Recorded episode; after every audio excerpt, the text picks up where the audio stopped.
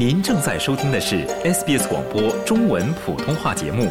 更多节目内容，请浏览 sbs 点 com 点 au 闲斜杠 mandarin，或下载应用程序 SBS Radio App。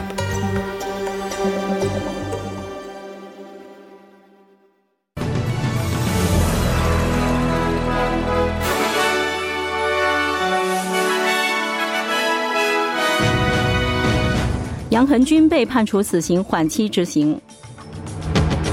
澳航飞行员决定于周四罢工。昆州政府承诺将建造五点三五万套福利房。Taylor Swift 连续四年获得格莱美奖。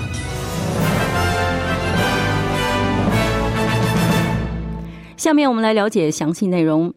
澳大利亚作家杨恒军在中国被判处死刑，缓期执行。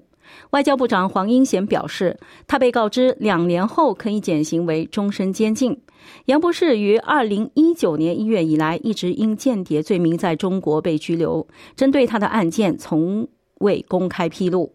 对他的审判于二零二一年五月秘密进行，但在推迟八次之后，直到昨天才公开判决。黄英贤表示，澳大利亚正在正式反对死刑判决。The Australian government is appalled at this outcome. 澳大利亚政府对这一结果感到震惊。我们将以最强烈的措辞表达我们的回应。作为第一步，我已指示我的秘书召集中国驻澳大利亚大使，表达我们的反对意见。我必须承认，在经历了多年的不确定性之后，杨博士和他的家人今天将会感到的痛苦。我的想法，总理以及我认为所有的澳大利亚人都与他们感同身受。黄英贤表示，杨博士还有更多法律选择，政府将继续尽力帮助他。杨恒军为什么被判死缓？他被判死缓对澳中关系将产生什么影响？稍后请听分析。参议院反对党领袖西蒙·伯明翰表示，他谴责中国当局对澳大利亚作家杨恒军判处死刑缓期执行的决定。杨博士于2019年因间谍罪被拘留，但一直否认这些指控。外交部长黄英贤表示，他被告知两年后可以减刑为终身监禁。伯明翰先生表示，需要探索所有的法律途径。I'm sure Australians. 我确信澳大利亚人会对中国当局对一名澳大利亚公民做出如此性质的判决感到非常震惊。杨恒军博士已经经历了五年的不公正拘留和不确定性，现在面临着无限期监禁的前景。这个家庭面临着永远无法与亲人团聚的前景。His family face the prospect of never being reunited with their loved one. 在联邦议会即将复会之际，总理正在利用他提出的第三阶段减税方案攻击反对党。在议会今年首次复会时，联邦国库部长吉姆·查莫斯将介绍修订后的税收立法。反对党尚未就这些修改正式表态，但已抨击政府违背了在上次大选中关于削减税收的政策。他们认为，由于税级攀升，澳大利亚人在未来十年内将缴纳更多税款。总理阿尔巴尼斯在堪培拉工党会议室向他的同事们发表讲话时表示，减税政策既能帮助低收入家庭，也能够帮助中等收入家庭。What we do, we look after people. 这是我们的工作，那就是照顾民众。我们照顾需要帮助的人，但我们也顾及民众的愿望。而这一方案两者兼顾。现在反对党费了两周的劲儿才表明立场。当然，他们的本能会发挥作用，对一切都说不。我们知道他们想对这个方案说不。Saying no to everything, and we know they want to say no to this. 新州财政部长丹尼尔·穆凯对住房市场发出严重警告，但他表示现在扭转局面还为时不晚。在一次住房峰会上，穆凯警告称，悉尼作为全澳最大的城市，有可能变得像旧金山一样，停滞不前的住房政策，甚至导致中产阶级在慈善机构排队领取食物。在房价与收入差距不断扩大的情况下，穆凯表示，澳大利亚人的大量财富汇聚在住房上，而这些住房主要为老年人所有。他说，这对民众所认为的澳大利亚社会的优势构成了威胁。We can't ignore the fact that that is what's challenging. 我们不能忽视的是，这一事实正在挑战我们需要珍视的平等主义精神，而且我说我们还需要保护这种精神。悉尼委员会首席执行官埃蒙沃特福德在峰会上表示，由于缺乏住房或者经济适用房，悉尼每年在生产力和人才方面的损失高达一百亿澳元。在二零四六年前建造和获得超过五点三五万套住社会住房。昆州州长史蒂文·迈尔斯于周一宣布了这一消息，并公布了这项耗资十二点五亿澳元的计划。在生活成本危机背景下，这是政府长期住房计划的最新改革措施。此前有报道称，昆州的房租、能源、保险和医疗价格涨幅居全国之首。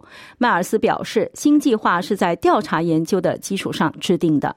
We commissioned independent research to tell us exactly how many social and public. 我们委托独立机构进行了研究，以确定我们应该拥有多少社会和公共住房。研究结果表明，到2046年，我们需要增加5万3500套住房，这就是我们的计划要实现的目标。这一切都是为了确保昆士兰人拥有安全、可靠、可负担得起的住房。对社会和公共住房的投资将增加昆士兰人可获得的社会和公共住房数量。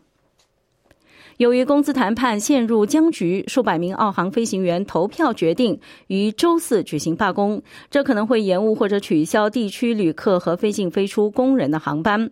澳大利亚航空飞行员联合会称，其在西澳大利亚网络航空公司和澳航联运工作的成员已投票决定停工二十四小时。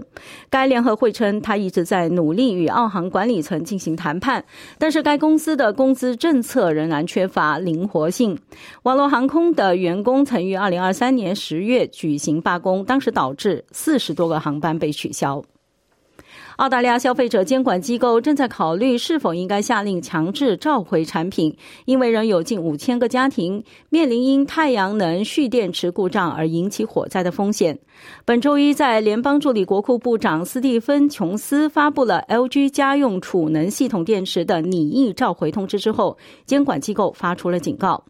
迄今为止，这些电池已在十三起事件中造成了财产损失，其中包括维州的一场大火，大火烧毁了一栋房屋，并造成了一人吸入浓烟受伤。政府通知称，有六千两百块受影响的电池尚未更新或者是更换，另有四千九百五十块电池尚未被找到。LG 尚未对拟议的召回发表评论。您正在收听的是 SBS 中文普通话节目。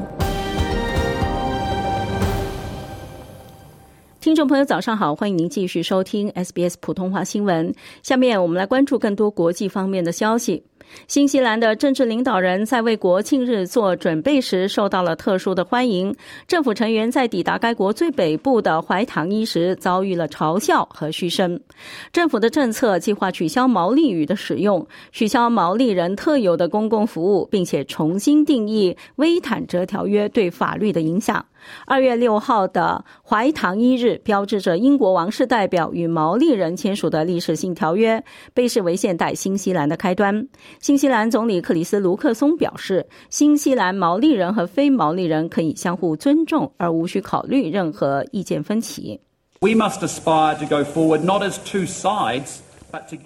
我们必须立志向前迈进，而不是作为双方，而是作为新西兰人团结在一起。因为团结我们的比分裂我们的更多。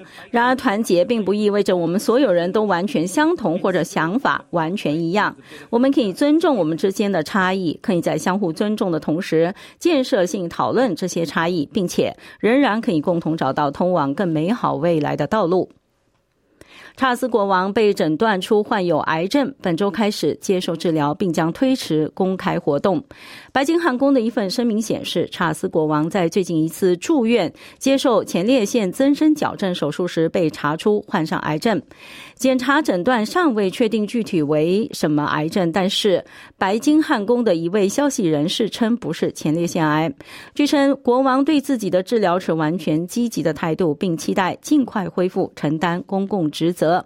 他的工作人员表示，国王选择透露自己的诊断结果，是为了防止外界猜测，并希望这将有助于公众理解全世界所有受这种疾病影响的人。随着消防员继续与智利中部的野火作战，至少已经有一百一十二人丧生，估计有一万四千所房屋受损。智利当局已在受大火影响最严重的城市实行宵禁，大火始于山区林区，但已蔓延到人口更稠密的地区。这里当局称仍有数百人失踪。受厄尔尼诺气候现象的影响，智利正在经历连续的炎热干燥天气。泰勒·斯威夫特 （Taylor Swift） 在格莱美奖上创造了历史，凭借《午夜》连续第四年获得年度专辑奖。斯威夫特感谢他的粉丝，并表示，真正的回报是他的工作。All I want to do is keep being able to do this. I love it so much. 我想做的就是继续做这件事，我非常热爱它，它让我很开心，这让我难以置信的惊喜。投票支持我的人也为此感到高兴。我想做的是继续做音乐，非常感谢你们给我这个机会。年度最佳歌曲由 Billie Eilish 凭借民谣《What Was I Made For》获得，出自电影《芭比娃娃》。独立摇滚乐队 Boy Genius 获得了三个奖项，而麦莉·塞勒斯凭借歌曲《Flowers》获得了两个奖项。凯利·米洛凭借《p a d a m p a d a m 获得了十八年来的第一个格莱美最佳流行舞曲唱片奖。再来关注体育方面的消息。霍总队正式任命丹尼尔·韦伯斯特为其新任澳大利亚澳式女足联赛的教练。此前，前教练贝克·科达德去年十一月意外退休。过去两个赛季，韦伯斯特一直担任布里斯班女足的助理教练，帮助雄狮队赢得了二零二三年的胜利。他说：“他很荣幸现在成为棕色和金色家族的一员。”新闻节目的最后，我们来关注澳元的汇率和天气情况。国际货币市场上，一澳元兑换零点六四八美元，一点零七一新西兰元；同时，一澳元可以兑换四点六四五元人民币，五点零七二港币，二十点三六一新台币。下面是天气情况：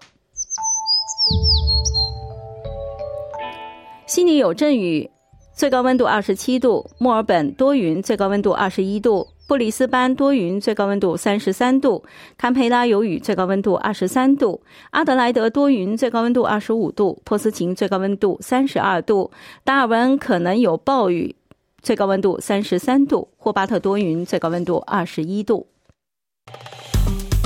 喜欢、分享、评论，欢迎您在 Facebook 上关注 SBS 普通话页面。